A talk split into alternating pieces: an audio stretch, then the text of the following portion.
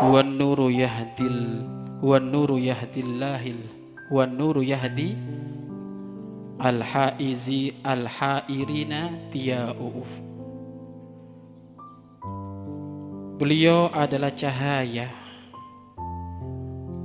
yang memberi petunjuk terhadap orang-orang yang dibimbingnya.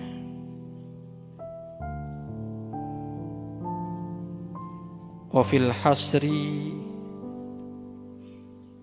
Dhillul mursalina liwa'uhu. Di padang mahsyar. Beliau sebagai pemimpin segala naungan. Dan mudah-mudahan kita semuanya mendapatkan naungan itu. Tidak ada hal yang menjadikan hati kita adem kecuali membaca sholawat tidak ada hal yang menjadikan hati kita tenang kecuali di saat menyanjung baginda Nabi Muhammad SAW.